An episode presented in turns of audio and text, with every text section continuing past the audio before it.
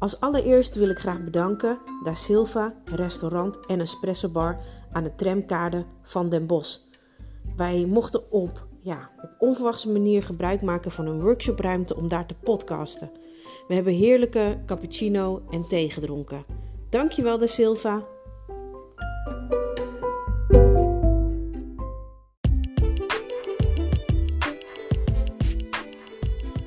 Hoi, ik ben Dees en welkom bij deze podcast. Vanavond in de podcast Harm. Harm is 27 en een self-made man. Hij werkt in de zorg en is ondernemer in Den Bosch. Hij heeft zijn eigen bokschool waar hij vechters klaarstoomt en begeleidt tijdens bokswedstrijden. We hebben het over de mens achter Harm, over wat hij heeft geleerd van zichzelf tijdens het lopen van de Nijmeegse Vierdaagse. De liefde voor het reizen, zijn gedachten over spiritualiteit, racisme en vurig zijn. Maar ook over motivatie en steun krijgen van je mentoren, hoe hem dat heeft geholpen grote keuzes te maken in zijn leven. Over lol maken, maar ook over het tragische verlies van zijn grote neef Quinty. Ik ben erg blij dat ik hem een stukje beter heb leren kennen en wens jullie heel veel plezier met luisteren. Oh, oké. We zijn live ook nog. Ook nog eens live. Jeez. Ja, En gewoon ook echt super goed geregeld. Waar zitten we? eh, bij Door Silva. Ja. Ehm, ja, het is eigenlijk de koffiebar naast ons, eh, bij de bokschool. Ehm, ik denk zelfs soms ook nog wel eens een uh, theetje of een koffie. Ja, koffie niet, thee meer eerder. Of als we afspraak hebben met de wedstrijdgroep of de trainers, dan zitten we hier vaak ook. Ja. En eh, uiteindelijk dit kunnen regelen. Dus ja, top. Ja, tof. Ja. Nou, lekker. Doen we een kick-off, eh, jongen. Want ik ben eh, heel benieuwd eigenlijk naar eh, wie je bent. Ik volg je natuurlijk al jaren. Alleen ja, Ja. vertel. Wie ik ben? Ik ben Harm, ik ben 27 jaar. Ik ben Den Bosch geboren. Ja, wat nog meer? Wat zei ja, dat is mij natuurlijk ook gewoon. Welk jaar ben je geboren? Ik ben in 1993 geboren, Oké. In maart. 31 superjong. maart. Superjong ook nog. Ehm broekie, maar aan de andere kant ook weer niet volwassen zat. Ja. En ehm, ja, ik heb nog één broer, die is eh, bijna 31. Eh, trots oom. Ik heb een heel mooi nichtje, dus eh, daar ben ik hartstikke blij mee. Ja. Ja. En wie, wie is je vader en wie is je moeder? Mijn vader is Leendert, Blijd, en die woont in Suriname. En mijn moeder is Audrey Westenburg, en dat is mijn moeder, en die woont nu dus in Almere, of is in Almere. Ja. Oké. Dus mijn ouders zijn uh, vanaf jongs aan al gescheiden. Ja. En ja, vanuit daar zijn we altijd bij onze moeder gaan wonen. En uiteindelijk bij mijn tweede moeder, en dat is mijn oma. En eh, ja, daar hebben we dan eigenlijk vanaf onze tiende tot met onze ja, 18, 18 jaar, 20 jaar eh, gewoond. Ja. Ja. En eh, Maar Ja. eh, je bent in Den Bosch opgegroeid. Jouw moeder was daar ook. Hoe, ja, hoe nee. jullie daar? Niet. Niet. Nou, in, in principe, we zijn hier eh, opgegroeid. En mijn ouders waren gescheiden en mijn moeder is dan, eh, ja, heeft ons meegenomen. Ja. Dus we eigenlijk eh, in een soort van opvanghuis zijn terecht zijn terechtgekomen. Ja. En vanuit daar ehm, heeft mijn moeder weer iemand anders leren kennen. En hebben we daar gewoon vanaf, ons, vanaf mijn vijfde tot mijn tiende ongeveer. En toen was het niet meer mogelijk voor mij en mijn broer, zeg maar, om nog eh, langer eh, daar te wonen. Omdat mijn moeder heeft een vriend die heeft een eigen schip. En zij varen dan door het hele land heen om dan eh, klussen aan te nemen in de stad ja, waar het dan is. Dus dat als het naar, in Groningen is, dan varen ze met een boot naar Groningen toe. En die maken dan een huis daar. Die zitten in de bouw. Wow. Ja. Want je, kun je wat vertellen over dat opvang? Ik heb dat vaker gehoord, maar... ja. En eh, er is een opvang hier in Zetogenbos. Ja. Ehm, die vrouw uit Gabi en die heeft dan een opvang voor ehm, vrouwen die dan of ja, een plek nodig hebben. Ja. Of vrouwen die zijn gevlucht vanuit het buitenland. En voornamelijk waren toen die tijd eh, Afrikaanse vrouwen, eh, vrouwen uit Eritrea, Armeense vrouwen eh, of, of gezinnen. En die vingen ze dan op. Die gaf ze een plek om te wonen, verblijfsvergunning te krijgen en dan vanuit daar weer verder hun leven op te kunnen pakken. Ja. En eh, daar heb ik dus gewoond een aantal jaren. Ja. Hoe, hoe was dat? Eh, Ehm, gezellig, want... ehm, Je hebt heel veel moeders dan in één keer, of hebt- niet? Ja, met de meeste heb je niet echt contact, dat niet. Oké. Maar je, je leert ze wel kennen en ook de kinderen leer je natuurlijk kennen. Dus uiteindelijk ben je eigenlijk één happy family, om het zo te zeggen. En de meeste ehm, die ik daar heb leren kennen, zeg maar, Ja. die kom ik nu ook gewoon weer terug tegen. Dus ook weer na een aantal jaren. Waar, waarvan ik dacht van oké, die zie ik nooit meer terug. Dus ehm, zo heb ik toch een, een kringetje eigenlijk van mensen die ook in hetzelfde huis hebben gewoond en uiteindelijk ook later weer tegenkom. Waar, Ja. Kun je een voorbeeld geven van eh, Ehm, iemand? ja, het was een Almeese familie. En dat was Mary en Artoes. eh, dat zijn dan eh, de Almeese familie die ik dan leren, of heb leren kennen toen. En ja, na een tijdje heb je heel goed contact en uiteindelijk gaan, ja, gaat iedereen zijn eigen weg. Je wordt ouder en ik ben toen vervolgens teruggekomen in Den Bosch en echt, ik denk pas rond mijn 18 of 19 wist ik dat ze ook nog in Den Bosch woonden. En dus dat is wel grappig, ja. Ja. Ja. Je kwam ze tegen in de stad of... eh, Nou, ik kwam haar ooit een keer tegen op de fiets. En voor de rest, ehm, ja, Facebook, Instagram, dat hielp natuurlijk dan ook weer. En zodoende ja, kom je toch elkaar weer tegen. Ja. ja, Facebook inderdaad, ja. ja. Ja. Oké, dat, is, dat had ik nooit achter jou verwacht, weet je dat? Dat is echt een super interessant verhaal. Ja. Dat wist ik niet. Nou, de meesten weten het niet als, Nee. je, als je het gesprek Nee, maar daarom is het ook. Ja. gewoon... eh, ja, oké. En, en je vader? Ja, mijn vader die woonde ook hier in, eh, Den Bosch. Mhm. En, eh, alleen die was meer in Suriname dan in, eh, nee, of in, in Den Bosch. Omdat Suriname lag hem veel beter en hier klikte het vaker ook niet. Hij heeft vaak ook wel incidenten op werk gehad. eh, racisme, om dat zo toch wel zo te zeggen. Eh, benadeld worden op, op een aantal dingen. Ja, dat, dat maakt het voor hem ook moeilijk. Of maakt het voor hem wel moeilijk. Eh, waardoor hij dan toch wel vaker weer in Suriname was dan hier in Nederland. Hoe, Ja. is je, hoe is jouw vader? Een eh, gezellige, vrolijke man, toch wel. Ja. Eh, kan heel lekker koken, dus mijn broer en ik kunnen ook. Mijn broer kan beter koken, maar we kunnen koken. En dat hebben we wel van zijn vader. Ja, onze moeder ook, maar papa was toch net een stapje extra, zeg maar. Die, ja, die kan zo lekker koken. Ook in onze familie, als ze, als ze weten dat er gaat gekookt worden door mijn vader, dan is iedereen wel aanwezig. Ja. Hoe kwam dat dan, dat hij zo goed kan koken? Want het is echt een, niet echt een heel mannelijk... Of een mannelijk... Nou, Surinaamse mannen kunnen wel Kunnen- koken. ja, ze ja, kunnen ja, koken, alleen... Ja, je moet het ze gewoon dwingen, om het zo te zeggen. Dus Wat kon niet lekkers maken? dat durf ik niet te zeggen. Hij kan, hij kan alles maken, maar eh, een van mijn favorieten is toch wel krab. Dan maak je dat in currysaus, zeg maar, met rijst. Dat is super lekker. hij maakt ook granale sambal. Super lekker. Ja. ja. ja, als ik eraan terugdenk, dan eh, kan ik zo alles opeten. Big smile in je face. Zeker. Ja. ja. Dat is wel wat, hè? Ik bedoel, eh, ja, die krabben die eh, moet je wel even lekker laten stomen. Ja, die Hè? in een pan koken Ja. en dan kruiden erbij. Dus, ja. Ja. en dan kwam de hele familie. Heb je hier nog verdere familie? Want ik kan me voorstellen dat je... Ehm, de helft is Suriname, zeg ik altijd, en de andere helft is hier. Ja, Ehm, ik heb ook nog een neef, ja, neef en nicht. We zijn met heel veel. Alleen die zitten niet in Brabant, enkele wel. Mhm. Maar de meeste zitten wel in Amsterdam en de omgeving. Ja. Dus eh, ik ben een van de weinige Brabanders hier nog. ja. Ja. de Blijd. Ja, ja helaas. Blijd. Ja. Waar woont je broer? Mijn broer wordt ook in Almere. Oké, Ja. oké. Ja. En in Almere stad of in Almere... Broer, hij is net verhuisd. Ik ken de wijk eerlijk gezegd Je niet. kent het eh, niet? Oké. Nee, nee, eerlijk gezegd niet. Wat vind je van Almere? Ik heb er helemaal niks mee. Nee? Het is eh, een stad dat gewoon uit de grond is gestampt en that's it. Het, ja, tuurlijk, het is wel groot en je kunt er veel meer dan Den Bosch, dat wel, Mhm. maar het is niet mijn stad. Nee. Oké. Ja. Nee. Oké, grappig. En ho- hoe oud is je moeder? Want die is niet zo oud, hè?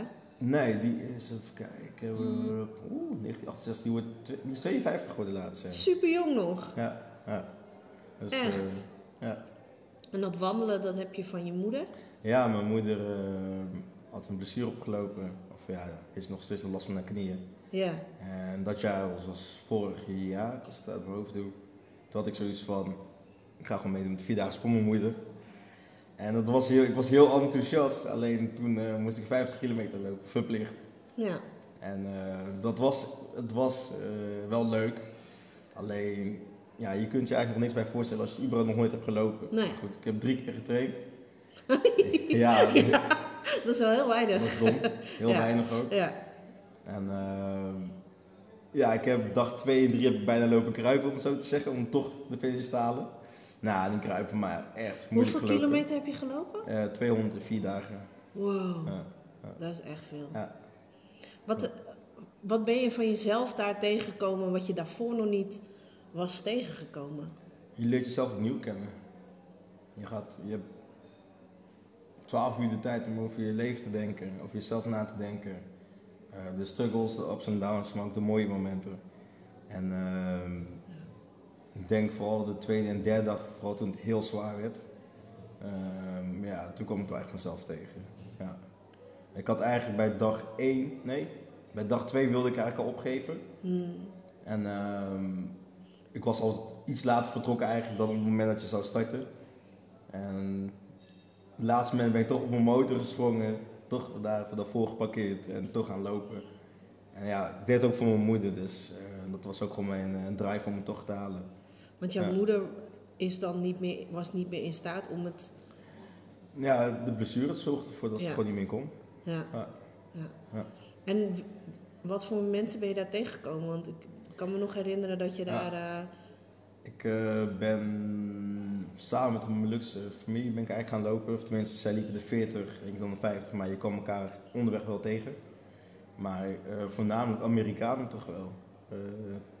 En alle drie soldaten ook nog. Ja, ja. en dat was hartstikke leuk. Eh, ze waren, eentje was dezelfde leeftijd als ik, de ander was wat ouder. Eh, de andere is net sergeant geworden toevallig. Ja, en daar heb je af en toe nog wel eens contact mee. Ze zitten in Duitsland, dus ik ben nog bereid om nog een keer daar naartoe te rijden. Gezellig wat leuks te doen. Ook hun uit te nodigen wanneer alles wat veiliger is. ja. Maar eh, ja, zo, zo leer je toch mensen kennen. Zitten Ja. zij in Ramstein? Nee, het is een hele andere plaats. Oké. Is in ieder geval denk Een lege basis, ja. Ja, lege baas. Anderhalf uur, twee uur rijden. Ja, Ja. ja leuk. ja. Gekleurde mannen? Of... Ehm, eentje was Vietnamees Oké, en de ander was gewoon ja, een Amerikaan. Amerikaan. Om zo te zeggen. Ja, ja. ja. ja, tof. Ik, ja, inderdaad. Ik vind het echt zo niet, eh, althans, ik zou dit niet linken aan jou, zeg maar. In eerste, ik vind het heel mooi dat je het doet en zo. Maar eerst, het is echt iets waarvan ik dacht van, wow, dat doe jij gewoon. ja. Weet je wel? Ik, ik Ja. klink misschien heel stom, maar ik heb een beetje, ja, ik dacht wel van, nou, weet je, dat zal... Maar jij doet het dus gewoon wel. Ja, ja, Ja. zeker.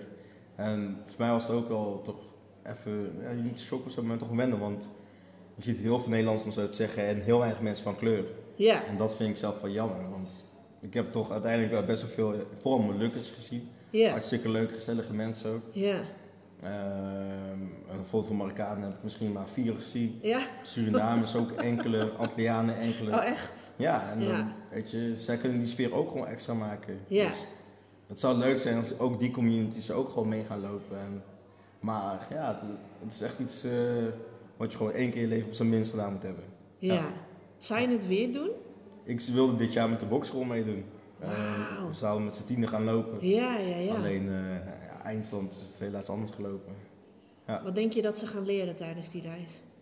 Wat je... Ook hetzelfde, leert zichzelf kennen. Ja, Vooral ook wanneer je gewoon door moet bijten. ja. Ja. Dat is Door- mooi. Door de pijn heen. Ja. Ja, Hoe zwaar het ook is. ja. Ja. Want je had schoenen aan, maar je had daar... Je had volgens mij geen goede schoenen of zo. Nee, dat wel. Ik had eh, wandelschoenen en sportschoenen. Want dan kun je onderweg kun je dan ook nog afwisselen. Ja. Ja, En, Nou. eh, ja, het hielp. Het heeft me geholpen. ja, Ja. tof. Ja. En dan bleef je ook slapen daar? Of was het ook echt... eh, Eh, ja, we liepen, sliepen dus in één huis. Ja. En, eh, ja, zoals jij met mijn luxe familie is veel eten, lekker eten ook. Ja, En dat scheelde ook. En ze hielpen me ook met koelen. Ze hebben het al vaker gedaan. Ze liepen al weet ik hoeveel jaren. ja, Dus ze hielpen met koelen en uitrusten en voeding, et cetera. En dat hielp gewoon. Ja. Veel kolen achterover gegooid, by the way. Ja. ja. Ja, omdat je... Cycles. Ja, dat je Ja. moet blijven gaan. ja. Ja. En ehm, kun je ook iets eh, eh, vertellen vanuit, eh, vanuit je jeugd? Waar heb je op school gezeten? Op de basisschool? Op de regenboog. Dat is waar nu zeg maar de huizen staan naast de helftheuvel. Mhm. Hier is trouwens ook nog wel een kinderdagverblijf, maar daar was vroeger de regenboog. En Mhm. dat was toen alweer overhuis en dan later was dat de eindbestemming zeg maar.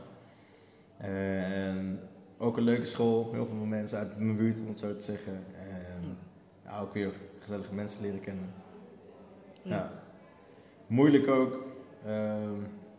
We waren ondeugend, toch wel. Eh de kwaaie jongens, om het zo te zeggen. Op de, op de, of de, op de basisschool. Ja. Eh, alleen ja, goed, uiteindelijk toch wel gewoon gehaald. Niet zoals het moest, maar ik mag niet klagen. Oké. Ja. Want wat was van jou dan eh, je bijgebleven aan verhaal van qua jongensstreken wat je graag deed? Kliko's omtrappen. Wat erg. Op, woensdag was altijd, eh was altijd afhaaldag. Ja. En wat we dan deden is, ja, iedereen zet zijn kliko buiten. Wat wij gingen doen, wij zitten ze nog extra op een mooie rechte lijn. en dan ga je aansprinten met twee jongens en dan maak je een karatentrap en dan zie je alles. Ja. Ja. En het leuke daaraan is dat je ook nog gaat wegsprinten. Ja. Ja, goed, na een tijdje wisten ze eigenlijk al bijna wie dat elke keer deed. Zo, gewoon op tijd mee gestopt. Ja. Ja, leuk. Maar dat is een van de streken die we hadden, ja. Echt dingen doen. Ja, Ja. ja. Zie je een verschil ertussen nu? Met kinderen van nu en hoe jij vroeger eh, eh, aan het spelen was? Is het meer binnen, denk je nu? Of? meer binnen. Ehm, ja, ik denk ook ehm, de waardering eigenlijk van wat ze toen, of wat wij toen hadden. eh, wat ze nu hebben is denk ik heel anders. Hmm. We waren ook blij als we konden voetballen tot 's avonds laat, zeg maar. En nu zie iedereen of op zijn tablet of iPad of wat dan ook, zeg maar. En als ze wat doen, dan zijn ze ook in de groep, maar of op een telefoon. Ja, ja, ja. En echt, Ja. kids die echt gewoon puur aan het spelen zijn, dus schaars. Ja. Had jij toen wel al gewoon eh Hives of eh, weet ik veel, Facebook? of, Ehm, Ik denk vanaf mijn 12 was MSN, ja, zoiets, 13. Ja, En daarvoor was het eh, niet. voetballen. Ja, een bal, voetballen, ja, stoepranden, eh, alles eigenlijk. ja. Zat je ook op voetbal? Of, eh, Ik heb ook op voetbal gezeten, ja. Tot mijn 17e, toen ik uit het team getrapt. Waarom? ja, ehm, Oké. Eh, ik was het niet eens met wat de trainer... of Tenminste, er was iets aan voor, voorgaand gaan. Eh, iedereen was op de hoogte gehouden omdat het die dag zou gaan regenen. Ja, Ik kwam om 10 uur s ochtends, kwam ik in de regen aan, kletsnat en niemand was er. Dus ik was natuurlijk boos de volgende training. ja, En daar heb ik ook gewoon gelijk weer uitgegooid. En eh, dat vond de trainer niet zo leuk. En toen zei hij ook nog tegen van, ja, je bent geen Barcelona-trainer. Nou, dat vond hij helemaal niet leuk. oh. En daarna kwam de trainer ook nog van het eerste elftal mee bemoeien. Ook een uh, scheidhekel aan gehad, om het even zo te zeggen. En eh, ja, en zodoende eigenlijk uit het team eh, gegooid. Wat vond je moeder daarvan? Nou, die wist volgens mij niet dat dit de reden was. Oké. Nee. nee. Had je dit niet verteld? Of, eh, Mm, ik weet het eerlijk gezegd niet eens meer. nee. Nee. Nee. Nou, oké. Dus, eh, ja. Ja, weet je. ja, goed, eigenlijk al de mooiste switch. Ik ben aan boksen overgestapt en Ja. dat doe ik nu nog steeds. Oké, want hoe oud was je toen? Toen je van eh 16, zei Ik was toen 17. 17. En ja, 17 richting 18. ja. Dat was mijn ideaal. Eh, ik kon daarna gewoon eigenlijk weer iets nieuws, aan iets nieuws beginnen. Eh, want mijn neef was ook in 2008 overleden. Eh, die was een wereldkampioen geworden in Amerika. kwam terug, trainde hier nog en daarna was, eh, was hij ingezakt op een training. Ja, En eh, ja, toen was het einde verhaal, om zo te zeggen. ja. En eh, sindsdien is eigenlijk bijna heel ons familie ook gaan boksen of kickboksen. Ja, ja. En eh, enkele die hebben wat wedstrijden kunnen doen. En de meeste zat ook al potentie in, alleen ja, een combinatie van alles wat gewoon niet werkte. Blessures ook. Mhm. En eh, ja, dat heeft eigenlijk ervoor gezorgd dat we, of iedereen is gestopt of op zijn minst één operatie heeft gehad Mhm. aan een blessure. Ja. Wat, ehm, hoe eh, heeft ehm, de 17, 18, had je, Ja. was je fiery? Of hoe, eh, hoe zat dat bij jou? Ehm, ik heb altijd een winnaarsmentaliteit, ook Ja. in voetbal. Ik kan er nooit tegen als ik verlies. Eh, daar ben ik gewoon heel eerlijk in. Als iets niet lukt, dan kan ik er ook gewoon dagen mee zitten. En dat was met voetbal ook. Ehm, ja, als we dan hadden verloren, dan... Ik weet altijd van mezelf, ik ga altijd 100%, dus ik kan mezelf niet blamen. Maar vaak teamgenoten, nou... Nou, oké, we hadden echt een team dat eigenlijk wel gewoon... We vochten eigenlijk altijd voor elkaar. Ja, En alleen, ja, soms zakte het in. En op dat moment moet je toch willen doorbikkelen. ja, En sommigen hadden dat wel en sommigen niet. Ja, dan ben je met elf man. En dat is wat moeilijker. ja. En eigenlijk dan met de overstap van nou het boksen toe is het idem dito geweest. Ik ben eigenlijk eh, gaan boksen om wedstrijden te gaan doen om ver te komen.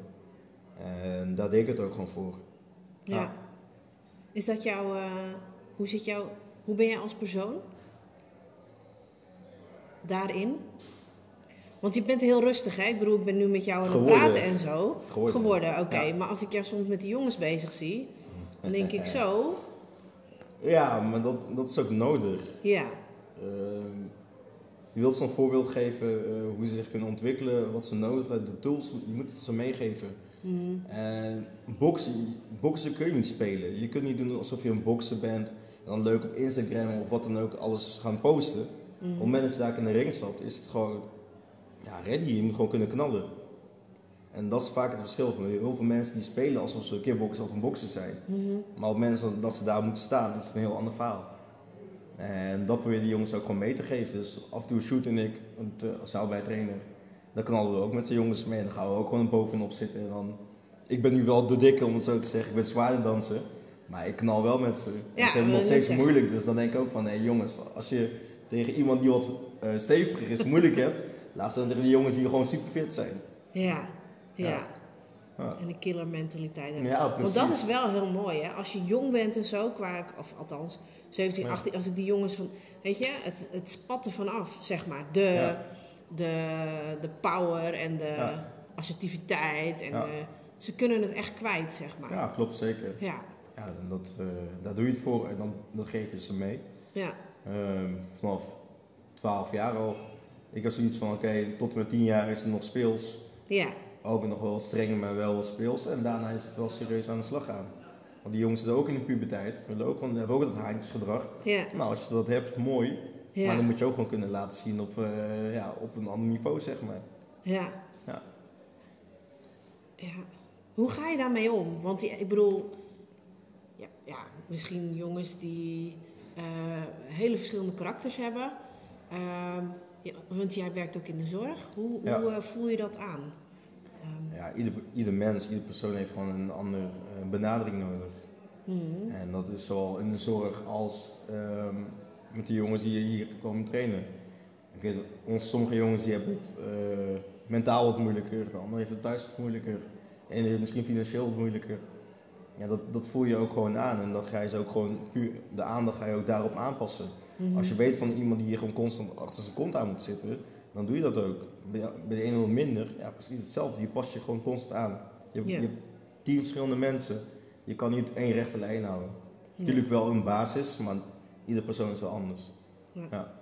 Is dat ook je karaktereigenschap? Of in ieder geval iets waar, je, waar jij dus goed in bent, waardoor je ook in de zorg bent gaan werken? Dat je, Ik wil altijd wel met mensen werken en eigenlijk meer met sport.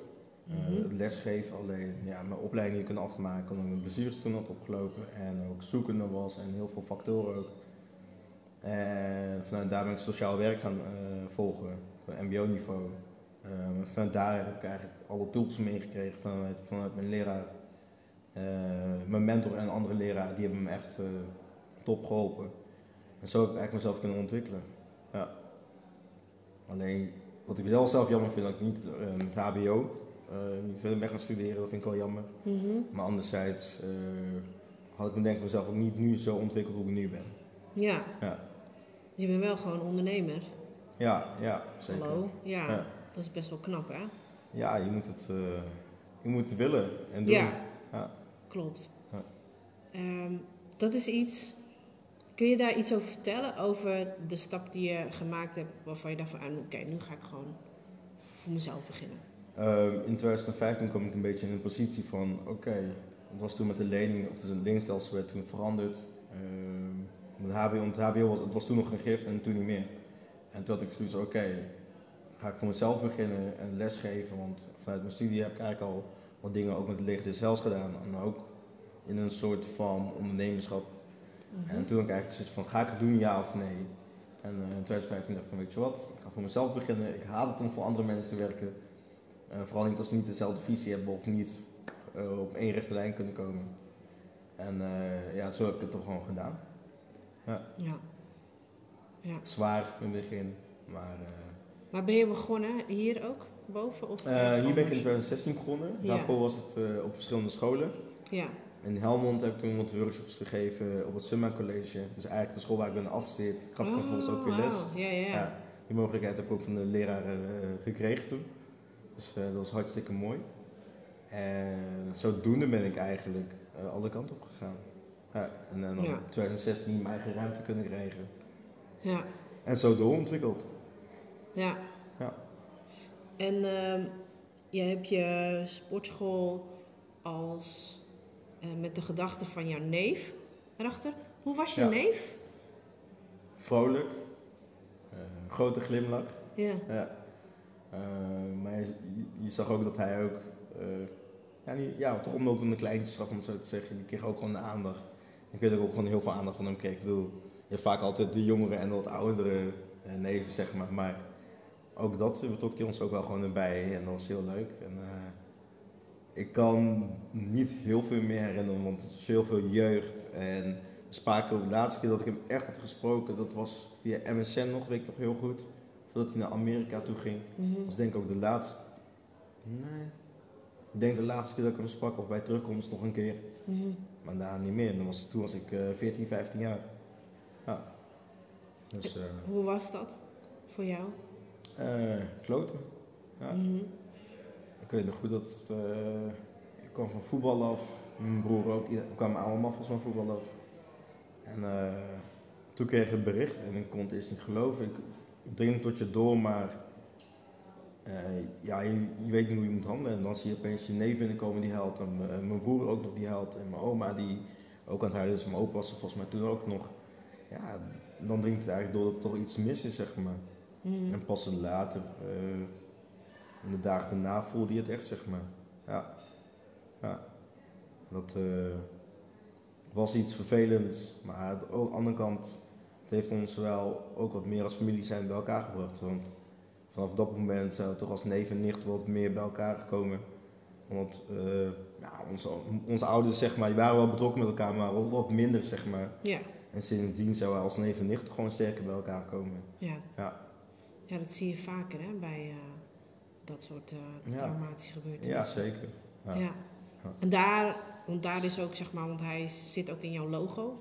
Ja, ja, het logo is, eh, is neef, eh, om het zo te zeggen. Dat is van een wedstrijd, volgens mij tegen Hesdy Gerges was Ja, volgens mij. Ja. Toen schreeuwde hij het uit en er was een foto van gemaakt. Ja. Toen dacht van, hé, hey, dat is een mooie, mooie foto. Ja. En die wilde ik heel graag hebben. Ja. En toen ben ik naar mijn neef, mijn neef- zijn broertje dan zeg maar zijn huis geweest. Ja. En dat ik dan een foto gewoon van een schilder van die foto gemaakt. En dat hebben we zo via Adobe eh, in elkaar kunnen zetten. Ja, mooi. Ja. Ja, En het is eigenlijk een hele basic logo. Het is gewoon, ja, op de achterkant. ja. Ja. het is gewoon zijn foto en daaromheen wat tekst. En that's it. En het, er is vaker ook op, of ja, ge- eh, een aanbod gedaan om het weer te redesignen, opnieuw te maken. Maar ik heb van, nee, heel eenvoudig. En, eh, Ja, heel herkenbaar. gewoon- ja, precies. Ja. Ja. Ja. Hoe, ehm, want we hadden het er net over, hè? Ja, we, hebben het, eh, we hadden het even geteld. Veer- jij had geteld 14 bokscholen in Den Bosch. Ja, het zijn er heel veel. Ja. Ja. Als er veel- misschien nog meer, maar wat, die, wat ik alles bij elkaar heb geteld zijn het 14. Mhm. Ja. En toch doe je het. Ja, ik weet dat we gewoon eh, iets nieuws brengen, vernieuwend. Eh, we zijn jong, eh, we pakken lekker door. Hoe wij lesgeven is ook gewoon, vind ik zelf toch wel uniek. Ja. Ja, en het is ook een hele echte gym. Ja. Ja. Ja, het klinkt misschien heel stom, maar misschien is het mijn idee een beetje ervoor. eh, erover, over de bokschool. Ja. Ik zie, ik, af en toe zie ik jouw filmpjes met de jongens dan trainen. En dan denk ik, oh gelukkig, daar zijn de allochtonen. Ik weet niet, soms, Ik- ja, soms dan eh, denk ik van, eh waar zijn ze, weet je wel. En Ja. Ze zullen vast ook wel in die andere 14 bokscholen rondhangen. Alleen, het is wel iets, denk ik, wat jou dan... Ik denk dat het ook heel fijn is, omdat jij... Ik denk ook wel in die flow dan wel meegaat dat mensen zich wel een beetje vertrouwd voelen dan misschien bij jou, of nou, niet? het grappige is, we hebben toch meer Nederland, ja, mensen met een ja, origine als Nederlanders, zeg maar. Ja, ja, ja. Toch wel meer dan dat we echt eh, allochtonen zijn, om zo te zeggen. Maar ja, goed.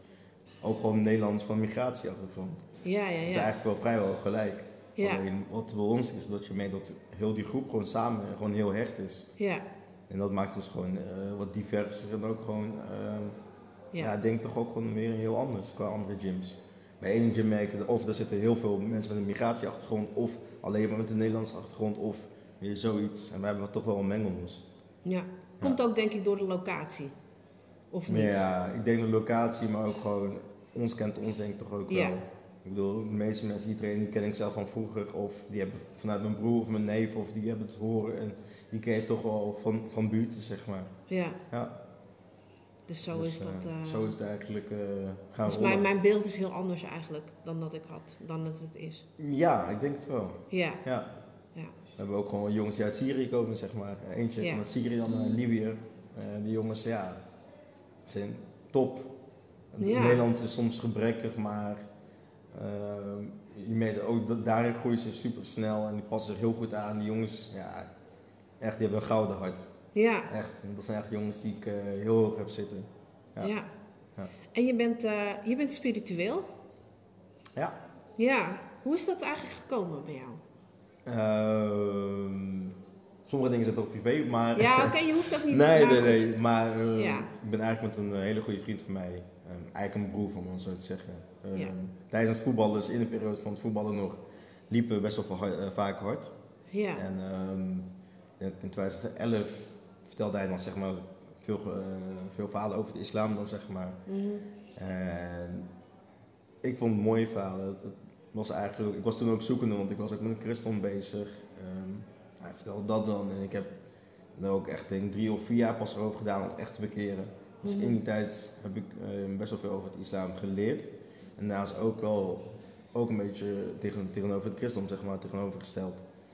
En ik had constant vragen, zowel over het christendom als over de islam. Mhm. En ehm, zodoende is bij mij uiteindelijk toch wel iets, een trigger gekomen van, hé, hey, ja, dit is het gewoon. ja, En die trigger was eigenlijk ook dat ik in 2013 in het ziekenhuis heb gelegen, eh, tien dagen lang, want ik had een hersenvliesontsteking. Dus ehm, voordat ik in het ziekenhuis lag, toen, ik, de- ja, ik dacht dat ik het niet zou redden, eerlijk gezegd. zo. Ik zag visueel 25% misschien, alleen maar, ja, als je, als, je, als je een televisie aanzet en je aan het sneeuw is, Mhm. zo zag ik het, zeg maar. En ehm, ja, ik had tien dagen de tijd om over mijn leven te denken van, ja, wat ga je doen? Ja, En eh, ja, hoe het allemaal in elkaar zit. En toen was het voor mij toch dat ik die keuze toen had gemaakt. ja, Dus ik ben ook bekeerd op mijn verjaardag, eh 31 maart. Dat is eh 2014. Nou goed, het is nu 2020, dat is al zes jaar. ja. Hoe, hoe actief ben je in je geloof? Ehm, ik probeer natuurlijk wel gewoon de vijf gebeden te halen. Eh, ik probeer, ehm, ja, het vaste doe ik sowieso al, maar Mhm.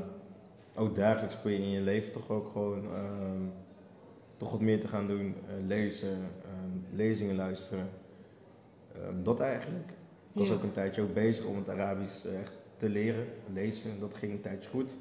Door een drukte heen verwaart het. Dan, eh, door de, eh, verwaterd. En ja, ik ga wel weer een begin maken. Want ik merk wel, als ik ermee bezig ben, dan krijg ik ook gewoon weer rust. En dat scheelt. Ja, Ja. dat heb je ook wel nodig. Ja, ik ben constant bezig en eh, van, de, van de een naar het ander. Ja, Ehm, daarnaast, ik was vroeger. ehm, ik was niet echt een heel moeilijk kind, zo, dat valt op zich ook wel mee, maar ik, ik had wel mijn ding, mijn streken ook. En ehm, ja, toch gewoon druk ook. En misschien ook de emoties kwijt in je jeugd. Eh, wat, je, wat je miste zeg maar, van in je jeugd. Mhm. En dat ging ik ergens anders zoeken of dat ging ik eh, anders uiten. En daar had ik het toen moeilijk mee. En eigenlijk vanaf het moment dat ik bekeerde, eh, vielen er best wel veel lasten van mijn lichaam af. Ja. En accepteerde ik ook gewoon dingen wat makkelijker en had ik ook meer begrip. En dat eh, scheelde wel. Ja. Ben je daardoor ietsje rustiger geworden? Ik ben rustiger geworden, ja. Ja. Als, als er dingen, ik bedoel, hebben zat dingen in mijn verleden gespeeld. Maar die hebben ook gewoon eh, geaccepteerd. En ook mensen ook gewoon kunnen vergeven, om het even zo te zeggen. Mhm. Ja. En dat heeft mij gewoon rustiger gemaakt. Ja, Dus eh, in die zin eh, heeft mij, voor mij heel veel goeds betekend. oh, fijn. Ja, zeker. Ja, fijn. En ben je dan ook iemand die ehm, eh, dan daarin zou kunnen begeleiden? als je bijvoorbeeld mensen ziet die zoekende zijn in jouw bokschool? Of waarvan je zegt van, hé, hey, weet je, gaat het met je? En... Nou, op het, gebied, op het gebied van geloof, dan, dan ben ik niet de juiste persoon daarvoor. Ik kan wel wat basic geven of eh, iemand ergens een, een kant op sturen, maar that's it. Maar Hmm. eh, voor de mensen die in een bokschool komen, heb ik al vaak, ik kan heel goed mensen lichaamstaal lezen. Mhm. Dus als er iets speelt, dan voel ik het al heel vaak aan. En als ze ervoor openstaan, dan voer ik ook wel gewoon een gesprek en probeer ik diegene ook gewoon te helpen. En als diegene daar niet voor open staat, dan ja, even goed, even goede vrienden. Ja. Ik bedoel, je Ja. kunt het niet voor iemand afdwingen. Nee. Nee. nee. Nee. Zijn er ook verhalen, zijn er ook momenten geweest dat het jou, dat jou, de mensen met wie je samenwerkt dan, ook op de bokschool, dat je echt aangreep, dat je dacht van, oh, ik vind het moeilijk om nu zeg maar de bokscoach of een beetje, hoe doe je dat?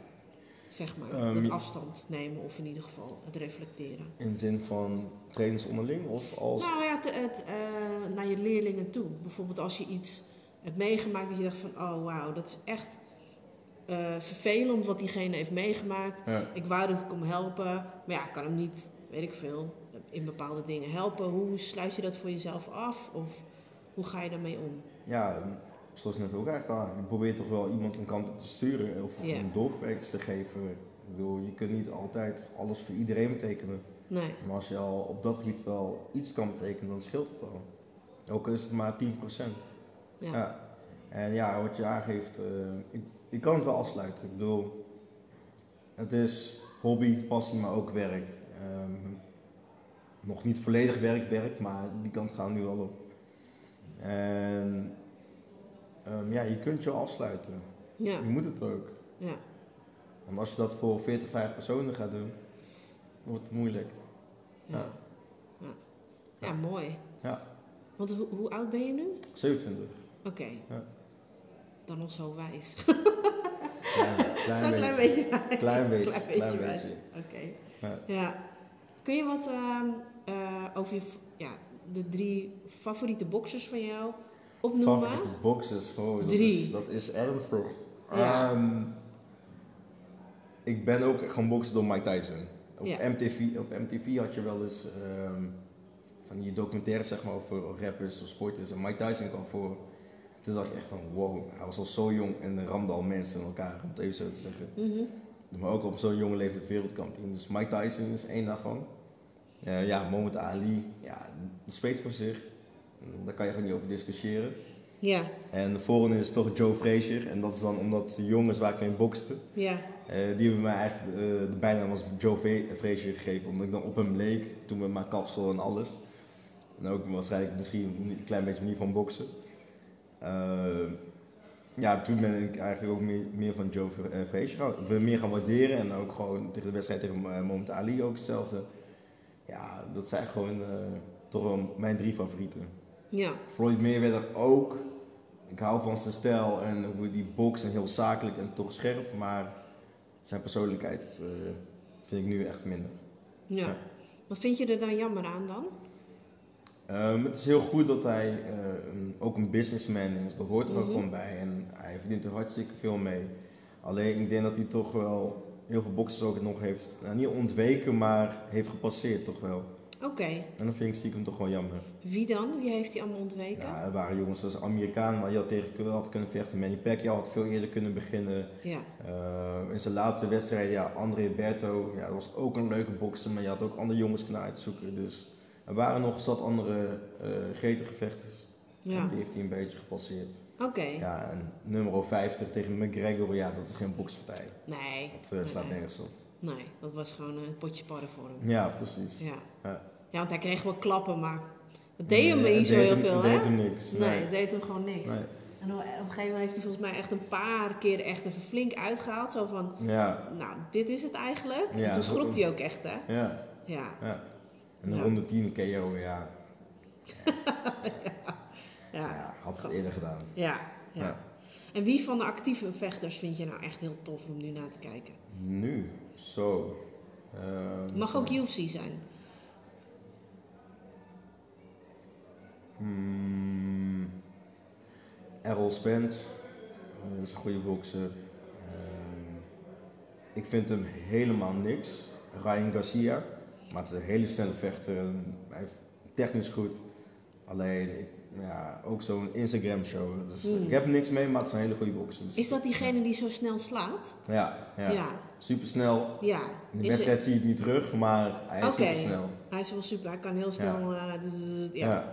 Ja. Ja, ja, ja, ja, ja. En, eh, ja, dat, is, dat is ook een hele goede bokser. En, maar deze lichting, ja, en die Ruiz waarde- waardeer ik ook wel. Iemand met zo'n dikke lichaam en denk je, oh, die kan niks. En uiteindelijk wel Ja, eh, Joshua KO slaat. Ja. Ja, die slaat hard hoor, die andere Ruiz. Ja. Ja. En Joshua is ook toch wel een favoriet. Ja. Toch wel. ja. Ja. En Lomachenko, vind je die ook tof? Ja, dat is gewoon legend. Alleen, ook voor hem is er ook nog veel meer uitdaging. Hij moet ook gewoon de topboxers nu gewoon eh, tegen de topjongens gaan vechten. Tegen wie dan? Zou die dan nu moeten gaan vechten? Eh, Wauw, dat is gelijk een scherpe vraag. En dan moet ik eventjes heel goed gaan nadenken nu ik de naam moet gaan noemen. Maar er waren nog een aantal boxers waar je wel tegen moest gaan vechten. Ja. Dan kan ik nu eventjes niet zo 1, 2, 3 opnoemen. Maar er waren wel wat jongens van Lomachenko die eh, beschikbaar waren. Ja. ja. En eh, van welke vechters pak je stukjes af die je ook in je training gebruikt? Of heb je vanuit je opleiding genoeg stof om het eh, interessant te houden? Wat, wat gebruik je graag? Ik zag laatst een soort van Tyson eh Ja. duckboogje. En Ja, Weet je wel? in principe, ehm, je krijgt zelf stof mee. Ehm, je kijkt naar andere trainers wereldwijd. Ik heb ook zat van mijn oude trainer geleerd, mag ik ook gewoon eerlijk toegeven. ja. Oude Trainers, Brian en Henny, allebei. Ja. Ehm, ja, en daarnaast word je zelf ook creatief. Je gaat ook gewoon denken van, hé, hey, oké, dit past, dit werkt. En de basistechnieken met, ja, wat vernieuwends erbij. ja. En eh, zo blijf je eigenlijk gewoon doorontwikkelen. Ja. En wat het, ou- het oude is zeker goed. En eh, dat waardeer ik ook heel erg. Maar er is ook tijd voor vernieuwing. Ja. En hoe is dat nu anders dan het oude? Ik heb wel een beetje het gevoel, maar ik denk, ja, kun je dat beschrijven? Nou, bij de, bij de, am- eh, de amateursport gaat het toch wel een tikje sneller. Ehm, qua stoten. Ieder bokschool heeft zijn eigenlijk een soort combinaties. eh, heeft zijn eh, eh, andere manier van verplaatsingen. Dus de basisstand, de houding, de handen, het in-uitstappen. Alles is daar gewoon heel anders in. Ja. En ehm, ik merk gewoon bij het amateurboksen, om het zo te zeggen. ehm, ja, de Amerikanen hebben een hele andere stijl. De Duitsers zijn de harde knok, de knokkers, om het zo te zeggen. Ja. De, de Kazakken zijn super technisch, de Russen zijn ook technisch. Am- ja, Amerikanen, Cuba, Cuba vooral. Ehm, ja, is toch een van de favorieten toch wel. Maar er is een verschil, dat moet je kunnen. Die jongens die, die trainen voor een leven, die trainen voor, voor een eten. ja. Dus hoe hun trainen, zo kunnen wij in Nederland totaal niet trainen. Want we hebben het nog wat makkelijker dan ze. Op het moment dat je echt voor je leven gaat trainen, is het een heel ander verhaal. ja. Ja. Dat zag je ook bij eh Clarissa Shields, zag je dat ook heel goed? Ja, ja, Zij had gewoon letterlijk niks. ja. En zij rende gewoon naar de bokschool toe. Ja. En eh, het enige wat zij had was eh, wat boksen.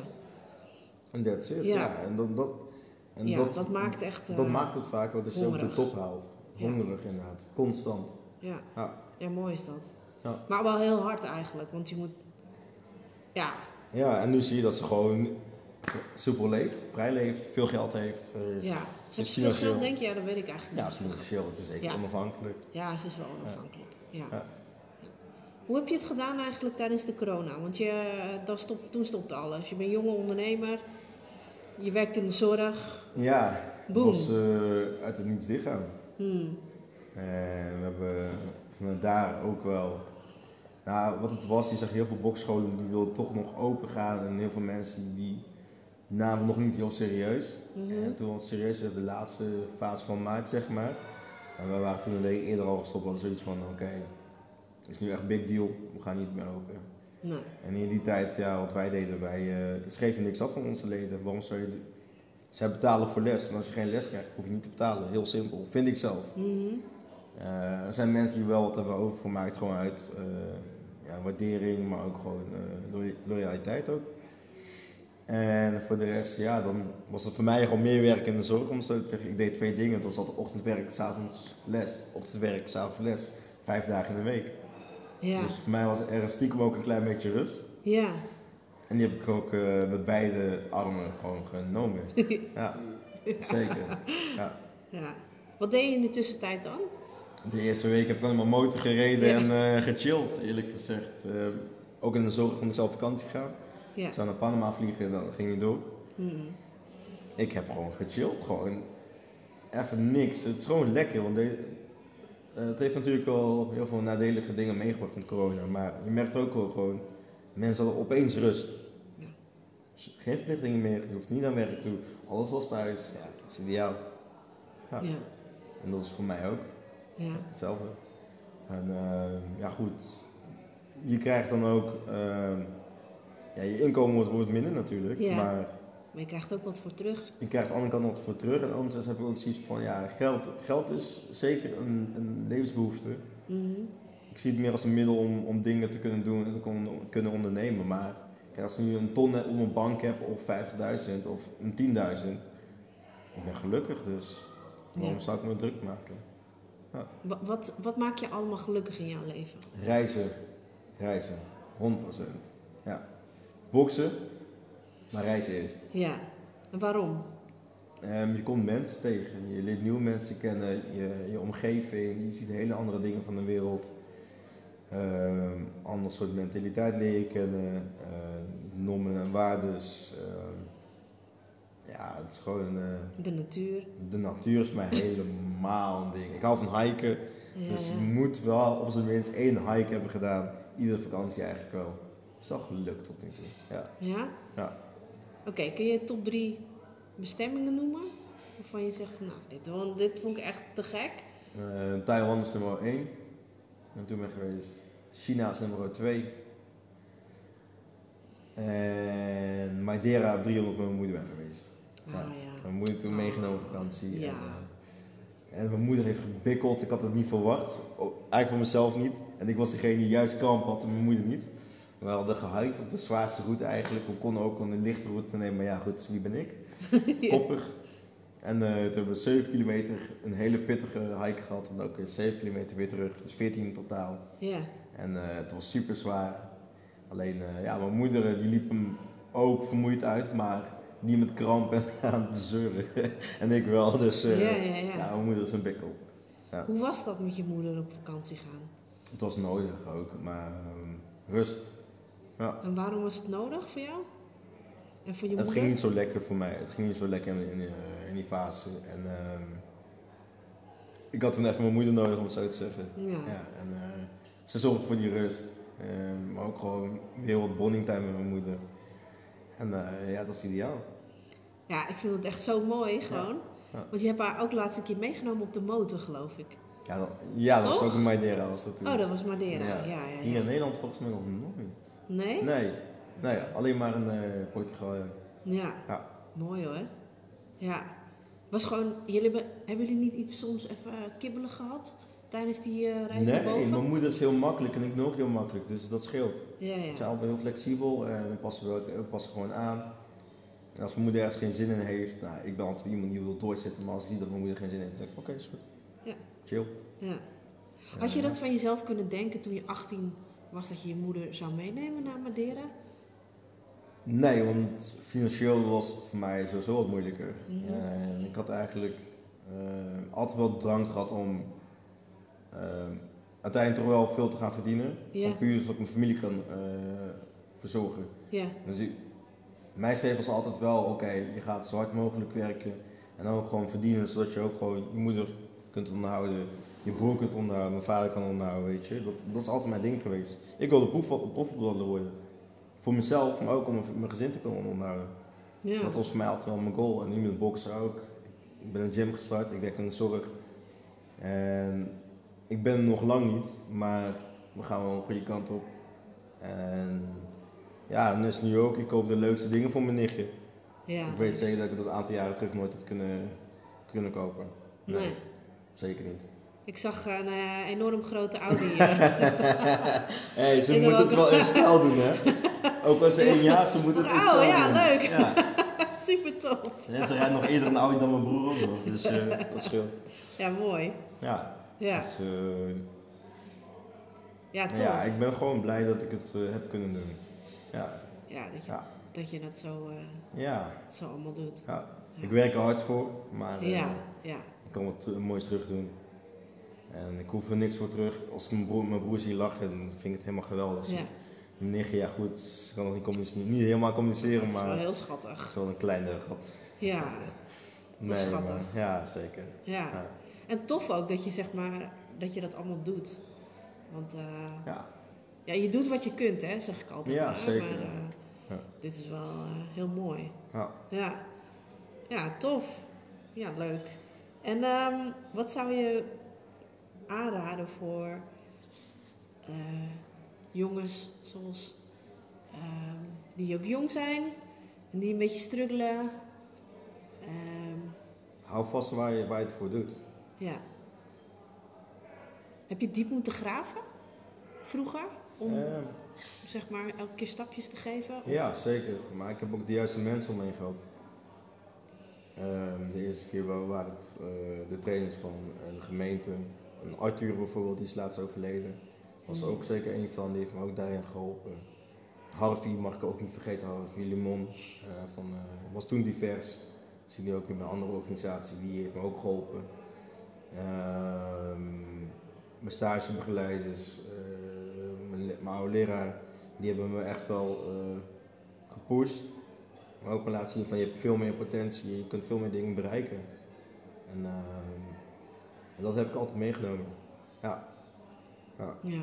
Als die mensen niet had leren kennen, dan was ik eh, misschien een hele andere richting op geweest. Dan was het misschien helemaal niet zo gelopen.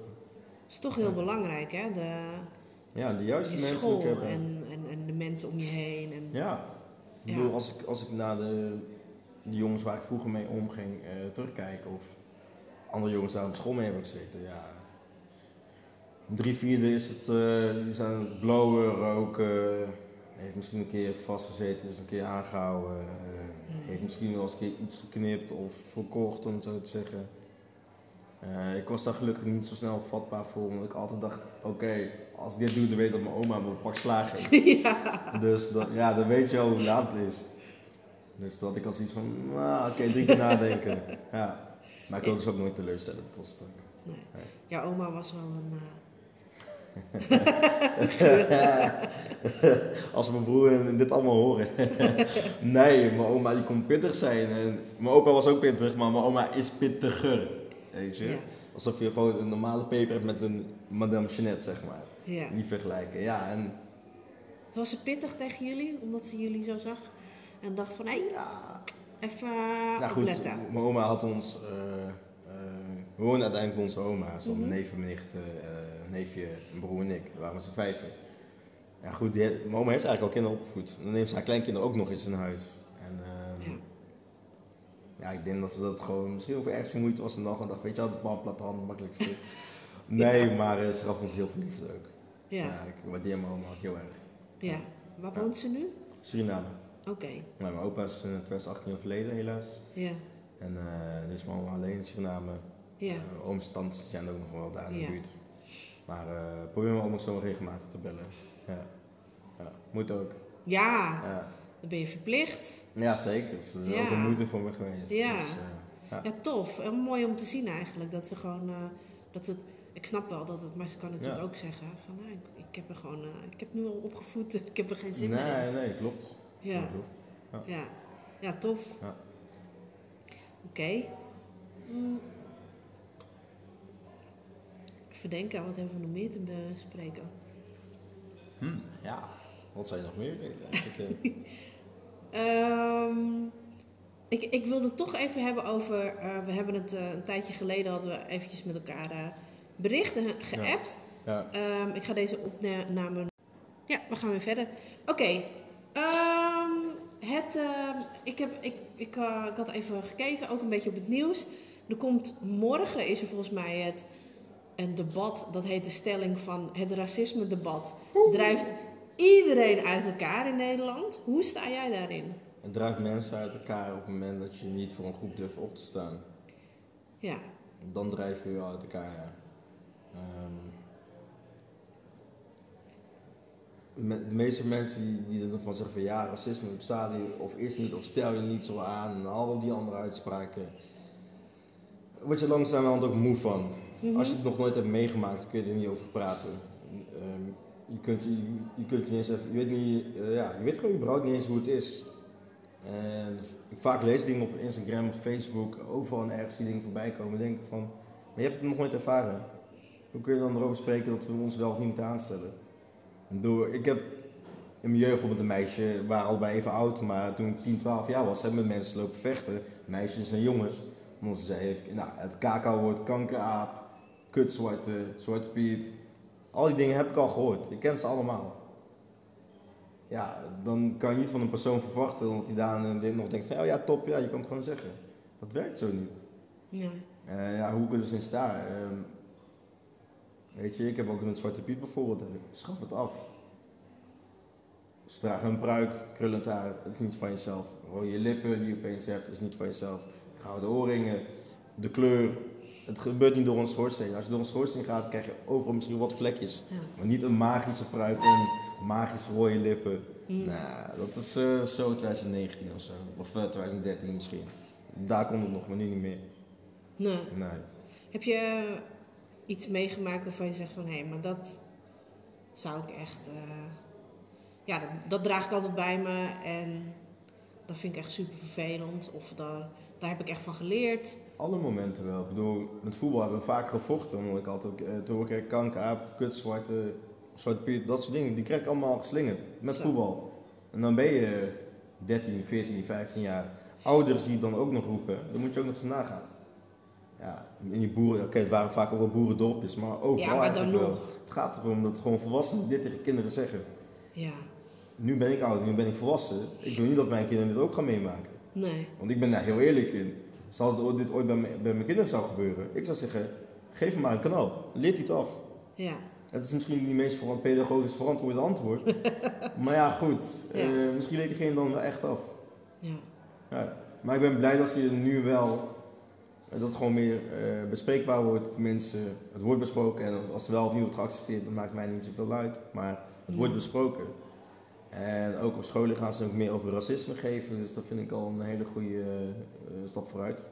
Heb jij op de basisschool bijvoorbeeld ook les gehad over de slavernijtijd? Ja, een klein stukje, maar Oké. that's it. Meer de glorie van, De VOC. ja, ja. Ja. En alles wat heel mooi en prachtig hier is. En. Ik bedoel, ik snap dat het een hele andere fase is geweest, maar je moet zowel een goede kant als de slechte kant van vertellen. Ja, Ja. nooit te Ja. weinig gedaan. Hoe heb je dan, eh, heb je dat van je ouders gehoord? Of, eh, ja, dit is eh, af en toe koffie wat er doorheen schiet. Ja, ik wilde het nog zeggen, ja. Sorry. het is gewoon eh, Ja. koffieboontjes die opgezogen worden. Grappig. Ja, gaat super snel volgens mij. Nou, ik denk Supervet. veel hoogdruk. Ja, Nee, maar ehm, ja, mijn ouders hebben ook wat meegemaakt. Ik bedoel, mijn, ik weet dat mijn moeder ook een verhaal vertelde dat ze vroeger, ehm, ik weet niet of het nou, het was hier in Den Bosch. En dan fietsen ze dan zeg maar altijd langs een bepaalde plek. En eh, er waren er ook kinderen, die, ja, kinderen zelfs die dan ook uitscholden of dingen naar haar toe gooiden. Toen heeft mijn moeder volgens mij ook een keer een dik gegeven en dan was het ook gewoon klaar.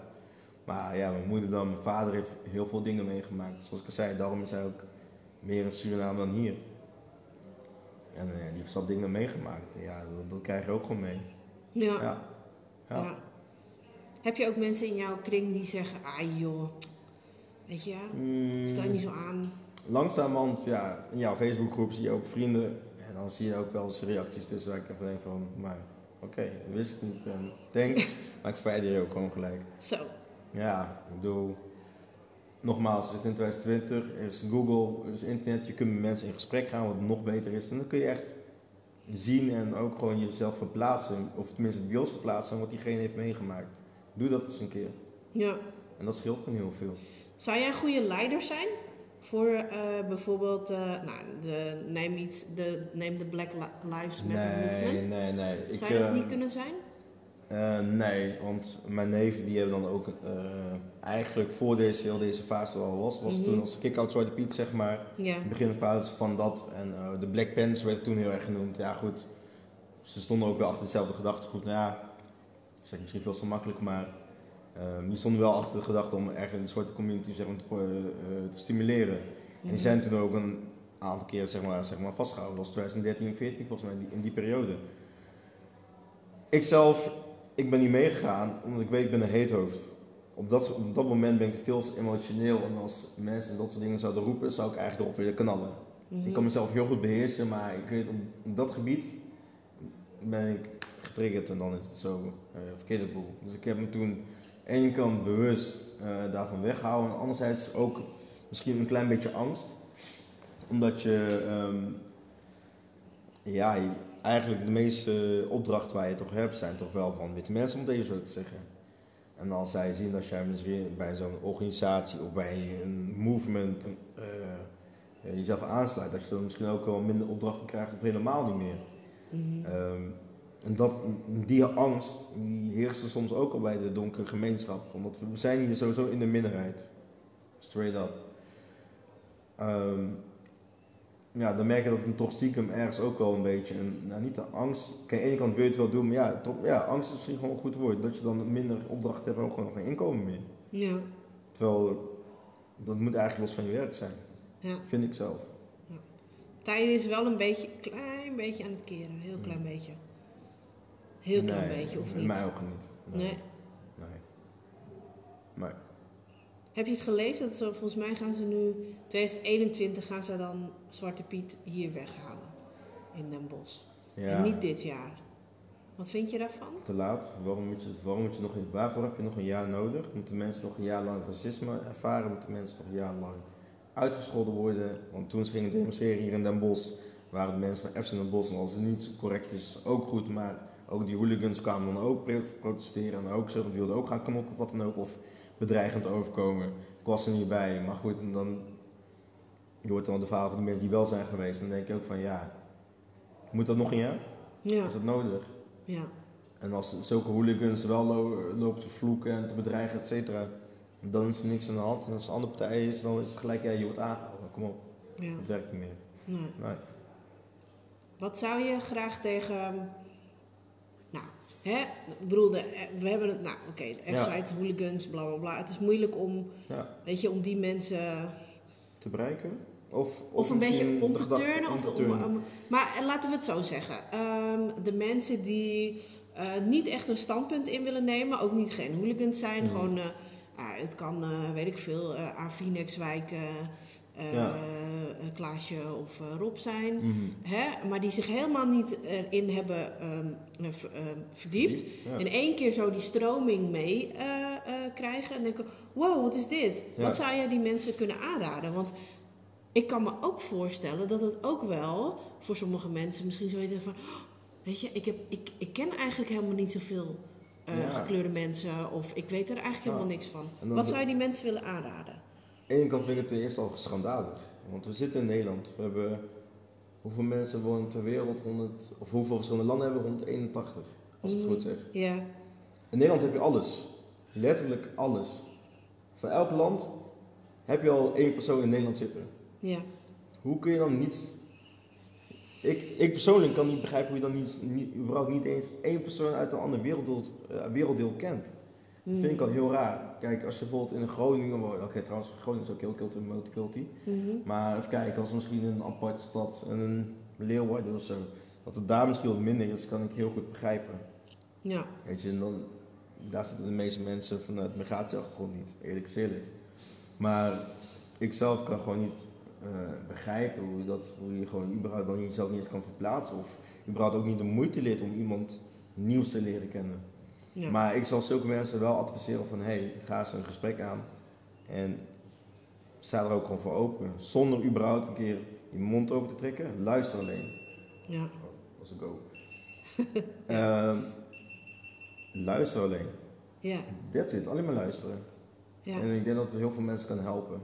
ja, Want dan ga je ook beter eh, de dingen herkennen, of tenminste misschien niet eens herkennen. Dan ga je gewoon meer, ja, je bent gewoon meer, ja, toch meer met de persoon bezig. In plaats van je eigen mening, je eigen gedachten. Verplaats je in een ander. Zou de verandering van onderuit moeten komen of vanuit bovenaf, vanuit de politiek? Wat denk jij? Ehm, beide. Ehm, politiek is zo grotendeels wel, omdat zij de, ja, toch het voorbeeld voor het land zijn. Tenminste, zij moeten het voorbeeld voor het land zijn. Ze zijn ook vaak degene met meer geld, om zo te zeggen, financieel sterk zijn. Ehm, de wat rijkere mensen, ja, die, die moeten wel, eens- wel een, een stapje doen, ja. Zeker. Ja. Kunnen ook va- vast eh, educatie erover geven. Kunnen ook gewoon eh, bij een bepaalde, bij de lagere groep aansluiten om te kijken van hé, hey, ja, de lagere groep vind ik ook een minder woord, maar de middenklasse normaal zou ik het zeggen. Mhm. Eh, daar kunnen zij ook gewoon aansluiten en een verhaal aanhoren. En ook gewoon, eh, ja, ik weet niet, er moet, er moet gewoon meer gedaan worden. Ja. Zowel vanuit laag als hoog, Ja. geschoold, niet geschoold, eh, praktisch of theoretisch. Ja, er moet gewoon veel gedaan worden. Ja. Dat is niet te weinig. Zijn er mensen al eh, met jou hierover in gesprek gegaan? Eh, blanke mensen? Goed, ik gebruik zelf de term wit, blank. Ja, maar goed, dat, blank, is, ja. dat heeft- dat heeft weer een andere eh, reden, maar goed. Ja. Ehm, Wat, wat zou je willen gebruiken dan? Ja, witte mensen. Ja, witte mensen, ja. Ja. Ehm, nee, Nee, nee, oké. nee. Ik heb wel eens een, eh, een paar domme opmerkingen op werk eh, geslingerd gekregen. Oh, Wat vind jij van die Black Lives Matter beweging enzovoort? Ja, dat is- en dat soort, ja. Wat ik ervan vind, nee, wat vind jij zelf? Je gaat mij eens een vraag stellen om, om iets uit mij te vissen en dan wil jij volgens je, je ongezouten mening erop gooien. Dan heb ik zoiets van, ja oké, dat schieten we niks mee op. nee. Dus dat maak ik wel mee, maar voor de rest nee. En eh, ik ben wel actief geweest eh, in die periode, vooral op Facebook. En dan zie je dat mensen dan eh, eh, hun mening droppen en dat mag. En dan wil je ze uitleggen waarom niet. En dan gaan ze alsnog weer, ja, maar. En dan heb ik zo van, nee, daar stopt het alweer. Die maar, ja, het is, er is geen maar. Ja. Ja. Ja. Dus eh, wij als donkere eh, community moeten ook gewoon begrijpen dat het voor hun misschien moeilijk is om te accepteren dat, eh, dat er een geschiedenis zo heeft plaatsgevonden en dat ze het überhaupt misschien die kennis niet eens over hebben. Mhm. Dat kan ik heel goed begrijpen en dat accepteer ik ook. Maar wordt, wij vinden ook dat je ook wel nu juist iets moet gaan doen. Ja. Je kunt lezen, nogmaals. Ja. Ja. Het zou fijn zijn. ehm, oh, volgens mij word je gebeld, of niet? Ja, als het zo. Oké. Ja, maar Ja. dat is niet oké. Het, het zou fijn zijn als er. ik, de- ik denk, ik weet niet, als je dan, als je dan eh, wit zou zijn en je denkt van, ah, ik weet het niet. Of, maar ook, eh, weet je wel, mensen die gekleurd zijn willen er heel vaak ook niks mee te maken hebben. Mhm. Ik kan me voorstellen dat je op een gegeven moment, ja, weet je, dat je denkt van, ja, hoe, wat moet ik dan eigenlijk doen? Maar wat je zegt, weet je, ga gewoon. eh, Weet je wel, wees gewoon, eh, heb gewoon een beetje een open vizier. En wat er Ja. gebeurd is, weet je wel. En, en ga dan niet in, in ieder geval zeggen: nee, nee, het is niet gebeurd. Er is zoveel op dat systeem Ja. gebouwd. Ja, klopt. Het is zoveel op dat systeem gebouwd dat we zien het er niet meer doorheen. Nee. Snap je? Maar het is wel daarop gebouwd. Op het kolo- Precies. eh, kolonisme. Kolo- kolo- Ja, zeker, zeker. Ja. Ik bedoel, eh, gouden koets van goud, waar komt het goud vandaan? Kijk, de afbeeldingen, slavernij. Ja. Heel Amsterdam. Ja. Had je gezien, die gaper hebben ze weggehaald hè, in Amsterdam. Was zo'n, eh, ik had een tijdje Oh. geleden had ik met een, met een collega en ik heb zo hard gelachen. Ik zeg, die, Ja. die gapers, zeg maar. Ja. Toen zei ik tegen hem, ik zeg, weet je wat dat is? Toen zei ja, geen idee, weet je wel. Dus nou, wij een beetje zo van, ik joh, dat moeten ze eigenlijk weghalen, bla bla bla. Dat hebben ze nu weggehaald bij één drogisterij. Omdat er dus inderdaad, die eh, was een, een donkere man dus met eh, zo'n gaper dan. En die hebben ze dan echt nu wel gewoon eindelijk weggehaald. Dus eh, Ja, het zijn wel dingen die wel goed zijn. ja Althans. zeker. Ja, vind ik wel. ben ik het ook mee eens. Ja, ja. Dus dat zijn wel, eh, ja. Ka- Ik bedoel, ik zou zeggen tegen, ja, tegen witte mensen, als ze zeggen van, oh ja, ik wil er wel wat meer over weten. Nou, kijk eens een documentaire. Kijk een documentaire. Ja, ik vind of lees eens een boek of zo. Ik vind het veel, eh, veel beter als je het gewoon persoonlijk maakt. Gaan in gesprek met Ja, iemand. Dan kun je het ook gewoon echt... ja, Dan voel je het denk ik ook misschien wel meer omdat diegene ook echt het uitspreekt. Emoties komen erbij. ja, En ik denk dat dat ook gewoon belangrijk is. ja. Ja, dat is mooi. Ja. Ja. En dat is, de- dat is iets wat je dan, zeg maar, ja, gewoon zou kunnen doen. Ja. Ja.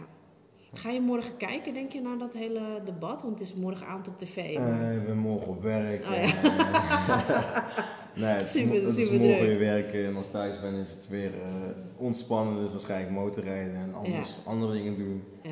Eh, het vloggen dan, om het zo te zeggen. Ja. Hoe gaat het daarmee met vloggen? Ja, het is gewoon wel apart. Het is Eh, best moeilijk, hè? Een vlogje in elkaar zetten. Nou, het knippen en plakken is wel, maar kijk, je wilt ook gewoon content maken en dan is het van, wat ga je doen? Je hebt heel veel mensen die over make-up hebben, je hebt heel veel mensen die nagels hebben, je hebt heel veel mensen die het over auto's hebben, heel veel mensen Ja. over hun lifestyle, dat ze het zo luxe hebben en alles perfect is. Dat is heel leuk en aardig, maar zo is het niet. Ehm, Ja. wat ik zelf wil doen is één, gewoon de boxsport promoten. Dat was eigenlijk mijn grootste insteek. Twee, ook gewoon laten zien hoe het in een boxsport gaat. Want eigenlijk heeft niemand daar ooit iets van gezien. Ook voor de mensen die nog nooit hebben gebokst. Die krijgen altijd horen, oh het is een gevechtsport. Ze slaan elkaar de, de hartjes eh, in. Eh, je hoort verschillende dingen. Behalve van, hé, het is een mooie technische sport. Oh, jongens die plezier ervan maken. Jongens die daardoor ook gewoon eh, misschien van een pad af worden gehouden. Dat hoor je allemaal niet. En daarom ben ik ook gaan vloggen. Ja, dat is Ja. mooi om te Om zien. gewoon te zien van, hé, Ja. dit is gewoon hoe het eigenlijk in een boksport gaat. Ja. Ja. ja, want ik zag op een gegeven moment had je een soort van centrale training, geloof ik. Ja, Hè? En toen stond je ook, eh, was je ook aan het coachen. ja klopt. En eh, zag je ook heel mooi die jongens eh, sparren met elkaar. Ja. Hoe is dat, die spanning? Tussen, want ik kan me voorstellen dat het spannend is voor die jongens. Ja, tuurlijk. Ehm, Seng was dan diegene die dan volgens mij in, in het fragment kwam. Mhm. En ja, het is een jonge jongen, nu inmiddels bij... Hij is hij gegroeid, hè? Hij is 16 jaar. Ja, ik heb hij hem kwam hier in gezien. 2017 binnenlopen. Het was Zo. nog een snotneus. Ja, Ik ken hem eigenlijk al nog wel als baby en klein kind, want ik ging met zijn broer om. oh, grappig. Dus die zie ik af en toe ook nog wel eens. En, Ja. ja. ja, maar dat is een mannetje geworden nu. Die jongen is technisch is hij de beste. Kan ik gewoon durf gewoon mijn hand voor het vuur te leggen. Ja, Ik denk dat hij technisch ook beter is dan ik. Durf, durf ik ook gewoon te erkennen. Ehm, alleen ja, wat je bij hem merkt is dat hij eh, nog wel last van zenuwen, maar ook gewoon. Het is ook heel anders. Ik bedoel, ik weet dat, hoe, dat zij het ook wel wat moeilijk hadden vroeger, maar nu gaat het ook gewoon, wat- heeft ook wat luxe. En dan merk je, hij is de jongste generatie, heeft wat luxe. Ja. Broers die hem verwennen. Ja. Dus die gretigheid om echt, echt te killen, ja, dan moet die even... moet je kweken. Ja, Maar verder is een sterke jongen, technisch. Ja, en wat je ook zegt, die jongens onder elkaar. ehm, bij de ene merken die is gretig, bij de andere merk ja, dat het toch wat voorzichtiger is. En, maar bij hem merk ik heel erg op eh, in wedstrijden te veel spanning. Om centrale trainingen dan, dan is hij echt aan het kloten. Dan maakt die jongens toch gewoon gek. ja. Ja. ja. mooi Ja. om te zien. Ik had, dat, ik had dat gezien inderdaad. Ik kan me voorstellen dat je dan... Dan kom je eventueel tegenstanders, denk ik, tegen die je ook in, eh, tijdens de wedstrijdje zou tegen kunnen komen. Ja, Hè? En al die jonge... Dat zeg maar. Dat is vet, man. ja. Dat is echt cool. Ja, en ik denk op het moment dat het echt ergens voor gaat, dan is het gewoon veel meer spanning. En bij die, Ja. De centrale training is al wat spanning, want het zijn jongens die wedstrijden willen gaan doen. Dus het is eigenlijk al een klein beetje zenuw afnemen en een beetje ervaring geven. Ja, Ja. mooi. Ja. Wat zeg je altijd tegen jouw jongens vlak voor de wedstrijd? Om ze ontspannen te krijgen. Nou, we lachen en kloten best wel veel voor de, voor de wedstrijden. Ja. En bij de ene werkt het, bij de andere niet. Dus als ik eh, een zeng heb, ben ik niet meer zoveel aan het kloten, ben ik gewoon wat rustiger, ook wat serieuzer. Eh, maar als er bijvoorbeeld een Mahmoud of een Rakim is, ja, dan zijn we gewoon aan het lachen, aan het kloten, muziek en dansen zelfs nog. Mhm. Maar we weten gewoon dat we gewoon het gaan killen. Simpel, dat weten we. We gaan Ja. het gewoon doen. Alleen ja, dan moeten ze soms ook als jury een beetje mee hebben. Dat kan ook wel meespelen. Ja. Ja. Maar, Maar- ik heb niks specifieks, nee. Nee. Nee.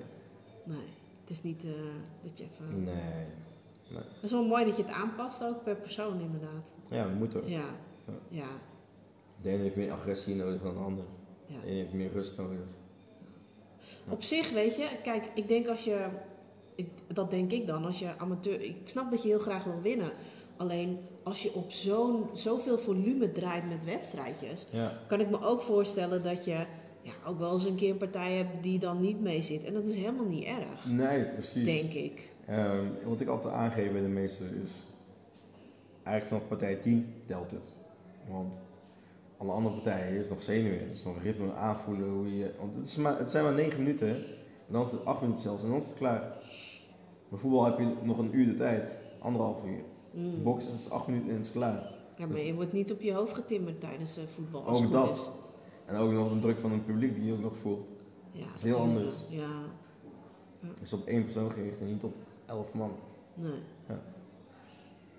Dus eh, ja. Wat zijn je dromen met de bokschool? Ehm, ik ben nu met eh, twee projecten nog bezig. Eentje met workshops en de andere is een methodiek gaan aanbieden eh, met, met boksen. Eh, ik ben me heel erg daarop aan het focussen nu. En uiteindelijk wil ik ook gewoon dat eh, de bokschool steady is. Ehm, grotere ruimte, meer aanbieden dan alleen boksen. Eh, we hebben net een nieuwe trainer aangenomen. Eh Kouter, die geeft les bij CrossFit Den Bosch. En dus van CrossFit, ja, die geven dus nu ook hier CrossFit op de donderdagen. Dus meer dis disciplines aanbieden. Ja. Ja. Spannend. Ja, zeker. Het is even afwachten en uitproberen ook. En als de gemeente een beetje meewerkt, eindelijk, want we zijn al 2,5 jaar bezig, Ja, dan, eh, ik hoor het. ja, als dat eh, doorgaat, dan eh, denk ik dat het de grootste wordt. Ja, In netwerken, daar kun je netwerken in het gemeenteland? Bij bepaalde mensen? Je moet Of ook wel inderdaad wel een netwerk hebben, alleen ehm, Kun je die ambtenaren niet uitnodigen voor, een, voor zo'n leuke workshop? dat gaan we ook zeker nog doen. Ja, Maar ik wilde ook in een, geschikte ruimte. Onze ruimte is gewoon prima, een box ready. Maar we hebben geen mooie entree. Ik bedoel, de trappenzaal zie je in deze hal ooit een keer vervangen, nooit gedaan. Maar we willen gewoon een nette entree, douches, kleedkamers en gewoon een hele mikmak erop hebben. ja. En als dat allemaal er is, dan kunnen we ook gewoon echt professioneel en ook echt eh, goede stappen maken. Ja. ja. Nou, tof. Ja. Oké, en wanneer ga je weer reizen? Als corona voorbij is, ik zou eigenlijk een motor toe gaan maken, maar alle werkdagen die er nu aankomen gaat het niet worden. Nee, Nee. oké. Dus het is Panama tussen- toch, of zoiets? Het was Panama inderdaad, ja. En ik hoop dat het eh, snel open gaat, dan ga ik weer die kant op. Ja. En zo niet, eh, dan eh, weer Azië. First love. Ja, Ja, is mooi. Ja. ja zeker. Nou, Dus wie weet, Ja. hoop het snel. Ja. Jij nog vooruitzichten? Nou, ik ga, als het goed is, als, ik, als we wel weg mogen, gaan we gewoon in ehm, oktober gaan we, eh, naar Frankrijk toe om meer eh, te bolderen, eh, maar dan in de natuur. Ja. En ehm, ik ga nog een keer weer naar Luxemburg om daar weer te klimmen. Oh, Ik ga niet zo heel, heel ver eigenlijk, want ik ben ook een beetje aan het sparen om de woning op te knappen. ja. Die willen we wel graag eh, ja, opknappen en dan uiteindelijk verkopen. Ja. Ehm, en ja, dat eigenlijk gewoon. En ik vind het ook heel fijn om, wat jij in het begin zei, meer rust. Ja. Gewoon, eh, weet je, een stukje wandelen is ook gewoon prima. Weet je? ja, zeker. Ja. ja Ik kan ook gewoon eh, met mijn gezin lekker. eh, Dat is het meest belangrijke van allemaal. ja, Ja. ja.